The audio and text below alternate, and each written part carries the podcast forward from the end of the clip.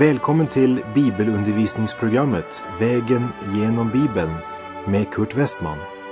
Och vi har nu hunnit till Lukas evangeliet. Slå gärna upp din bibel och följ med. Programmet är producerat av Norea Radio.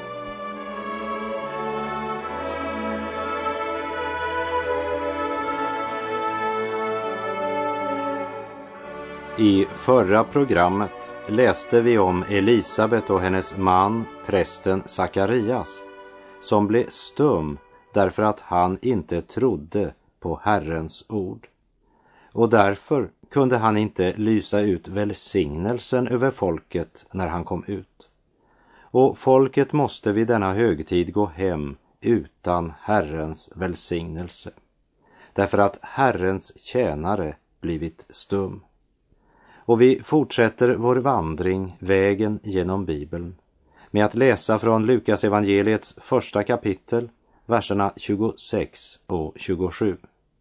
I den sjätte månaden blev ängeln Gabriel sänd av Gud till en stad i Galileen som hette Nasaret, till en jungfru som var trolovad med en man vid namn Josef av Davids ett. Maria var hennes namn. Avsnittet om Elisabet och Sakarias utspelade sig i Jerusalem. Nu får vi höra vad som sker i staden Nasaret. Sex månader efter att ängeln Gabriel har uppenbarat sig för Sakarias så uppenbarar han sig för Maria. En jungfru kunde inte föda barn annat än genom ett gudomligt under. Eljest var hon inte längre jungfru. Den som inte är troende kan ju visserligen säga att han inte tror på jungfrufödsel. Men han kan aldrig påstå att Bibeln inte förkunnar jungfrufödsel. Och denna gudomliga sanning har också en central plats i vår trosbekännelse. Jag tror på Jesus Kristus, Guds enfödde son, vår Herre, vilken är avlad av den helige Ande, född av jungfrun Maria och så vidare. Och det är värt att lägga märke till att det är läkaren Lukas som ger oss den detaljrika beskrivningen av jungfrufödseln. I Lukas kapitel 1, vers 28 läser vi. Ängeln trädde in till henne och sade, var hälsad du högt benådade, Herren är med dig. Det är en viss tendens bland protestantiska kristna att tona ned Marias betydelse. Men den här versen säger oss att hon var högt benådad. Det var inte tillfälligheter som gjorde att det var Maria som fick föda Guds son till jord. Hon var utvald. Men i samma ögonblick som jag säger det måste jag säga att Maria är högt benådad bland kvinnor. Inte benådad över kvinnor. Hon är inte upphöjd över andra kvinnor. Men genom henne har Gud upphöjt kvinnan. Det var vad Maria gjorde. Hur lätt talar inte många om att det var genom kvinnan som synden kom in i världen. Men kom då också ihåg att det var en kvinna och inte en man som födde världens frälsare in i denna värld. Och vers 29. Hon blev mycket förskräckt över hans ord och undrade vad hälsningen skulle betyda. När det gäller Sakarias står det om honom att han blev bestört över att se ängeln. Men här i vers 29 lägger vi märke till att Maria blir inte förskräckt över att se ängeln, men över vad ängeln sa. Ängelns ord förskräckte Maria. När det övernaturliga, eller rättare sagt det gudomliga, möter det naturliga, mänskliga, skapas alltid fruktan.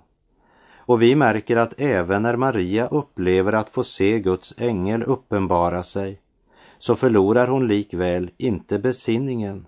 Tvärtom, Den gudomliga uppenbarelsen får henne att skärpa alla sina sinnen och det står att hon undrade över vad denna hälsningen skulle betyda.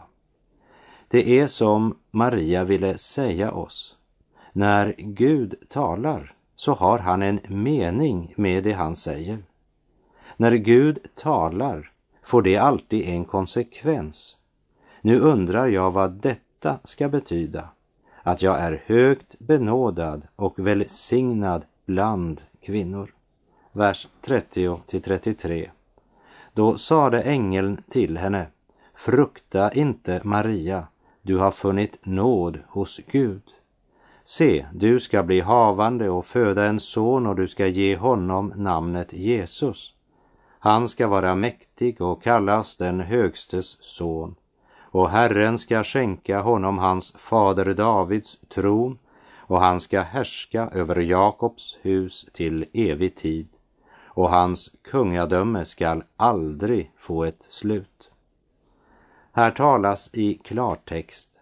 Det kan inte feltolkas. Budskapet är bokstavligt och rakt på sak.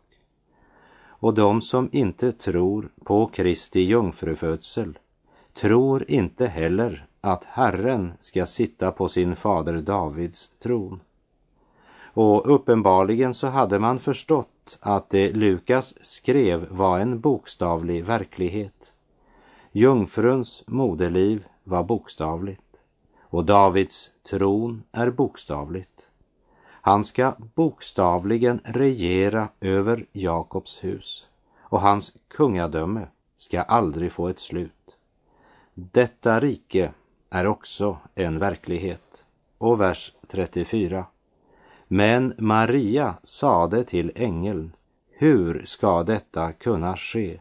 Jag vet ju inte av någon man.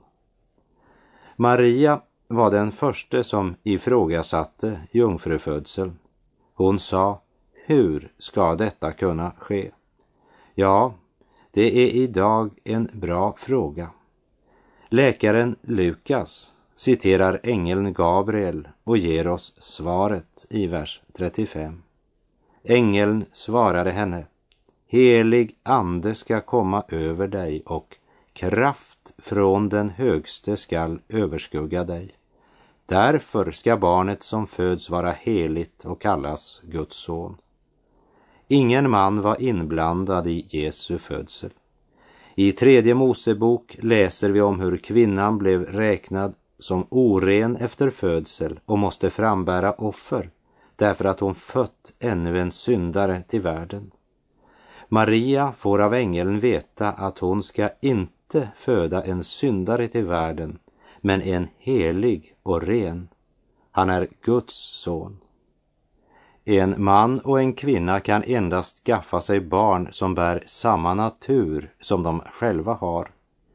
Genom jungfrufödsel är det enda sätt på vilket Gud kan bringa detta heliga in i människosläktet. I Saltaren 51.7 säger David, se, i synd är jag född och i synd har min moder avlat mig. Marias son skulle vara annorlunda. Han skulle födas av en jungfru. Den som förnekar denna gudomliga sanning han förnekar också resten av trosbekännelsens innehåll och gör därmed Gud till en lögnare. Och det är mycket allvarligt. Därför ska barnet som föds vara heligt och kallas Guds son, läste vi i vers 35. Vet du varför han ska kallas Guds son? Jo, därför att han är Guds son. Kom ihåg att läkaren Lukas evangelium tillämpar den vetenskapliga infallsvinkeln på sitt evangelium. Han börjar sitt evangelium med att säga att han noggrant har undersökt Jesus från Nasaret och det som berättas om honom. Och han har kommit till samma konklusion som Johannes, men hans infallsvinkel och teknik var helt annorlunda. Doktor Lukas har använt ett enkelt, rakt fram språk för att presentera sina upptäckter. Och om vi inte förstår vad han menar bör vi gå hem och stava på vårt ABC igen. Vers 36 och 37. Elisabet, din släkting, väntar också en son nu på sin ålderdom.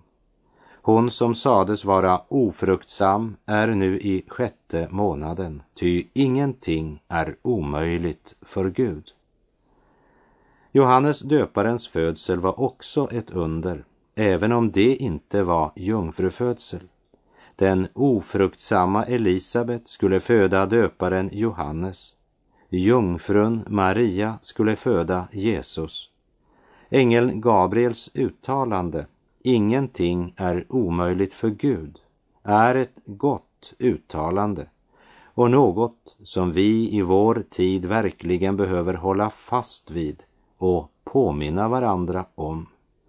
Skriv det med stora bokstäver och tejpa lappen på kylskåpsdörren eller över någon av dörrarna inne i huset eller på andra platser så att du regelbundet får en påminnelse.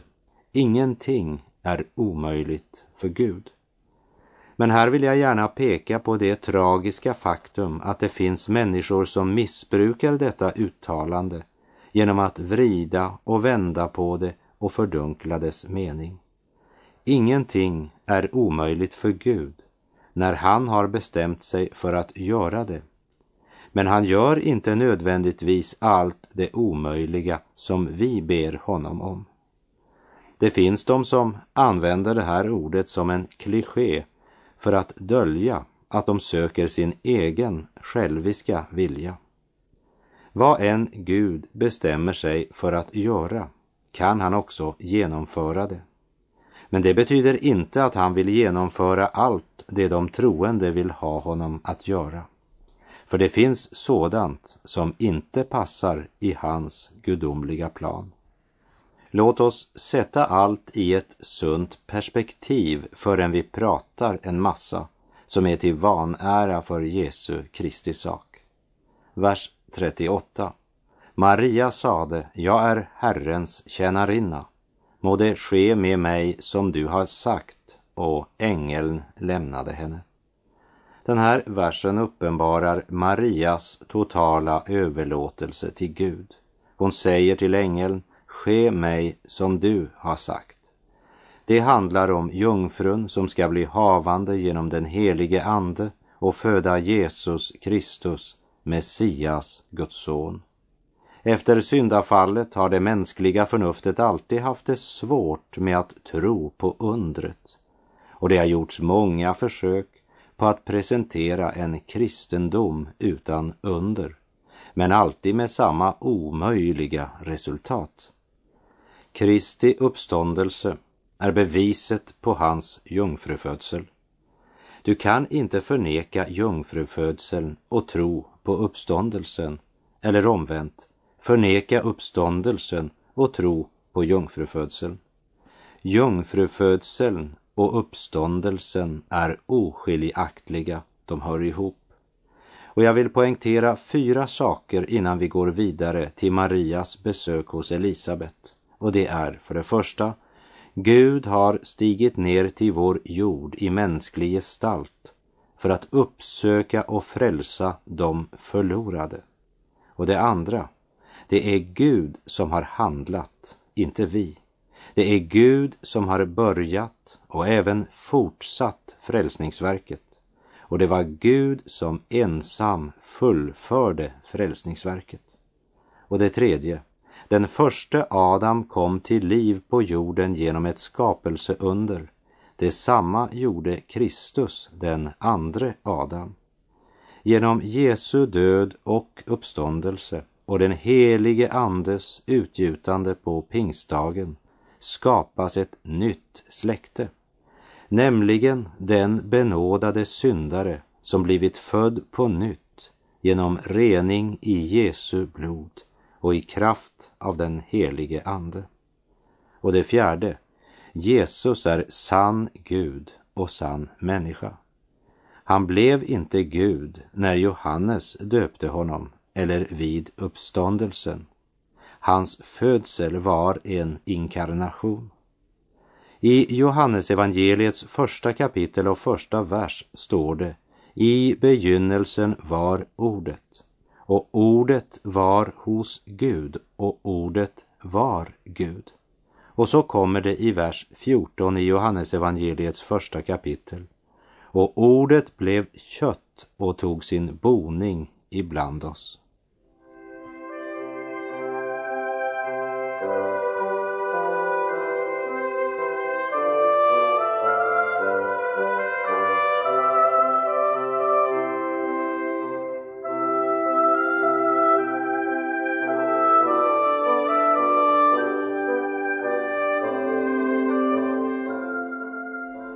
Strax efter att Maria mottagit budskapet så beslutar hon sig att besöka Elisabet. Och att Maria skyndar för att besöka Elisabet visar att Maria själv behövde se det tecken som ängeln hade talat om. Vi läser i Lukas 1, verserna 39 till 41. Några dagar efteråt begav sig Maria iväg och skyndade till en stad i Juda bergsbygd. Hon gick till Sakarias hus och sökte upp Elisabet. När Elisabet hörde Marias hälsning sparkade barnet till i henne och hon fylldes av helig ande. Här handlar det om det mirakulösa, om undret. Och det är ganska meningslöst att försöka komma med en naturlig förklaring. Antingen så tror du det som förkunnas i dessa verser eller också tror du det inte. Men så säger Herrens ord. När Elisabet hörde Marias hälsning fylldes hon av helig ande och även barnet reagerade. Det säger Gud. Och vi läser 42 till 45. Hon ropade med hög röst, välsignad är du mer än andra kvinnor och välsignad det barn du bär inom dig. Hur kan det hända mig att min herres mor kommer till mig? När mina öron hörde din hälsning sparkade barnet till i mig av fröjd. Salig är hon som trodde Ty det som Herren har låtit säga henne skall gå i uppfyllelse.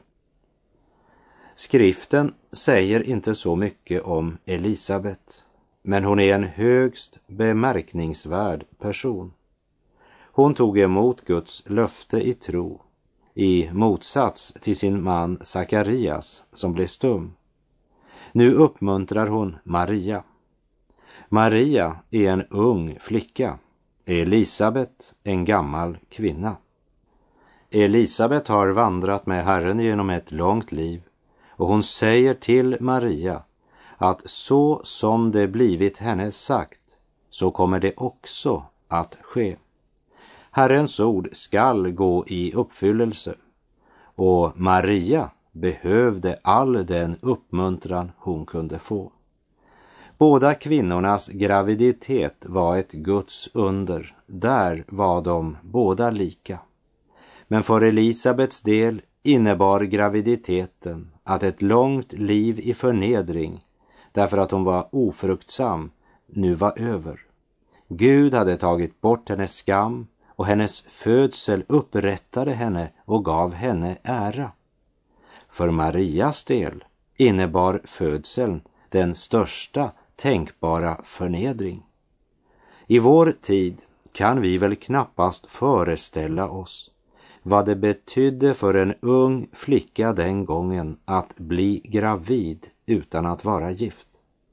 Vad skulle föräldrar och släktingar säga? Vad skulle hennes trolovade tänka? Han ville säkert lämna henne. Ja, Maria behövde Elisabets uppmuntran. Och vi läser verserna 46 till och med 55.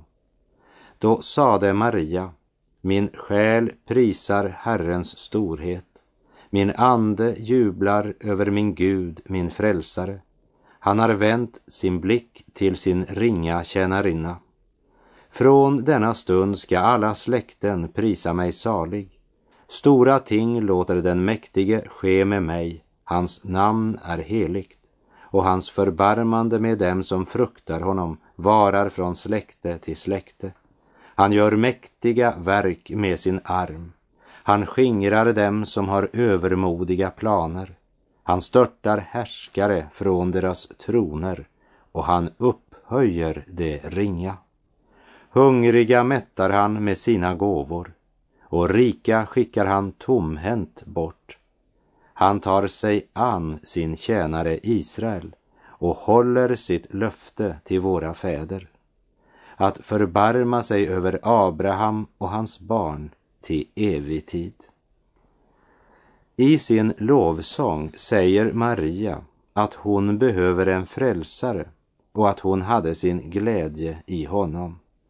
Han gör mäktiga verk med sin arm, sjöng hon. I kapitel 53, där Jesaja profeterade om Kristus, säger han Vem trodde vad som predikades för oss och för vem var Herrens arm uppenbar? Marias profetiska lovsång visar att för henne hade Gud uppenbarat något av sin mäktiga arm. Vers 56. Maria stannade hos henne omkring tre månader och återvände sedan hem.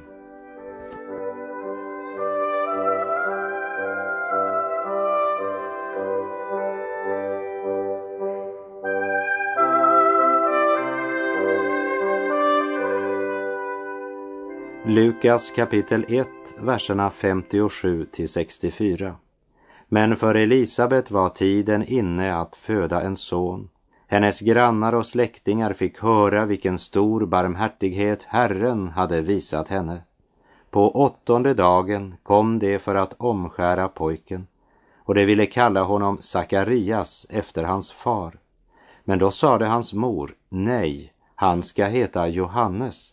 De sade till henne, det finns ingen i din släkt som bär det namnet. Och det gjorde ett tecken åt fadern att låta dem veta vad barnet skulle kallas. Han bad om en skrivtavla och skrev Johannes är hans namn och alla förvånade sig. Med en gång löstes hans läppar och hans tunga och han talade och prisade Gud. Vid den här tiden var det vanligt att ge barnen namn efter far eller någon annan nära släkting. Sakarias betyder ju Herren kommer ihåg. Och grannar och vänner som är närvarande tycks mena att i det här speciella tillfället borde sonen heta som sin far. Elisabets tveklösa kommentar, nej, han ska heta Johannes, avslöjar att hon var informerad om vad Sakarias hade upplevt i templet. Men grannar och övriga gäster vill inte ge sig. De ger tecken till Sakarias att han ska säga vilket namn han önskar att ge sin son. Han är fortfarande stum, men på skrivtavlan skriver han Johannes är hans namn. Och när Sakarias har skrivit det upphör straffet och han kan tala igen och det första han gör är att prisa Gud. Hade han inte tro nog till att tro Herrens ord så är han inte sen med att tacka och jubla när han har upplevt att Gud besvarat hans bön. Jag tror att ibland är det just skröplighet och den svaga tron som gör att Gud besvarar bönen från oss svaga helgon så att vi kan ha något att glädja oss över. För vi som inte är så starka i vår tro jublar och gläder oss som regel inte så mycket. Men de starka helgonen som har stark tro gläder sig under alla omständigheter. Jag tänkte på pastor Samuel Lam som jag mötte i Kina och som suttit över 20 år i fängelse för sin tro.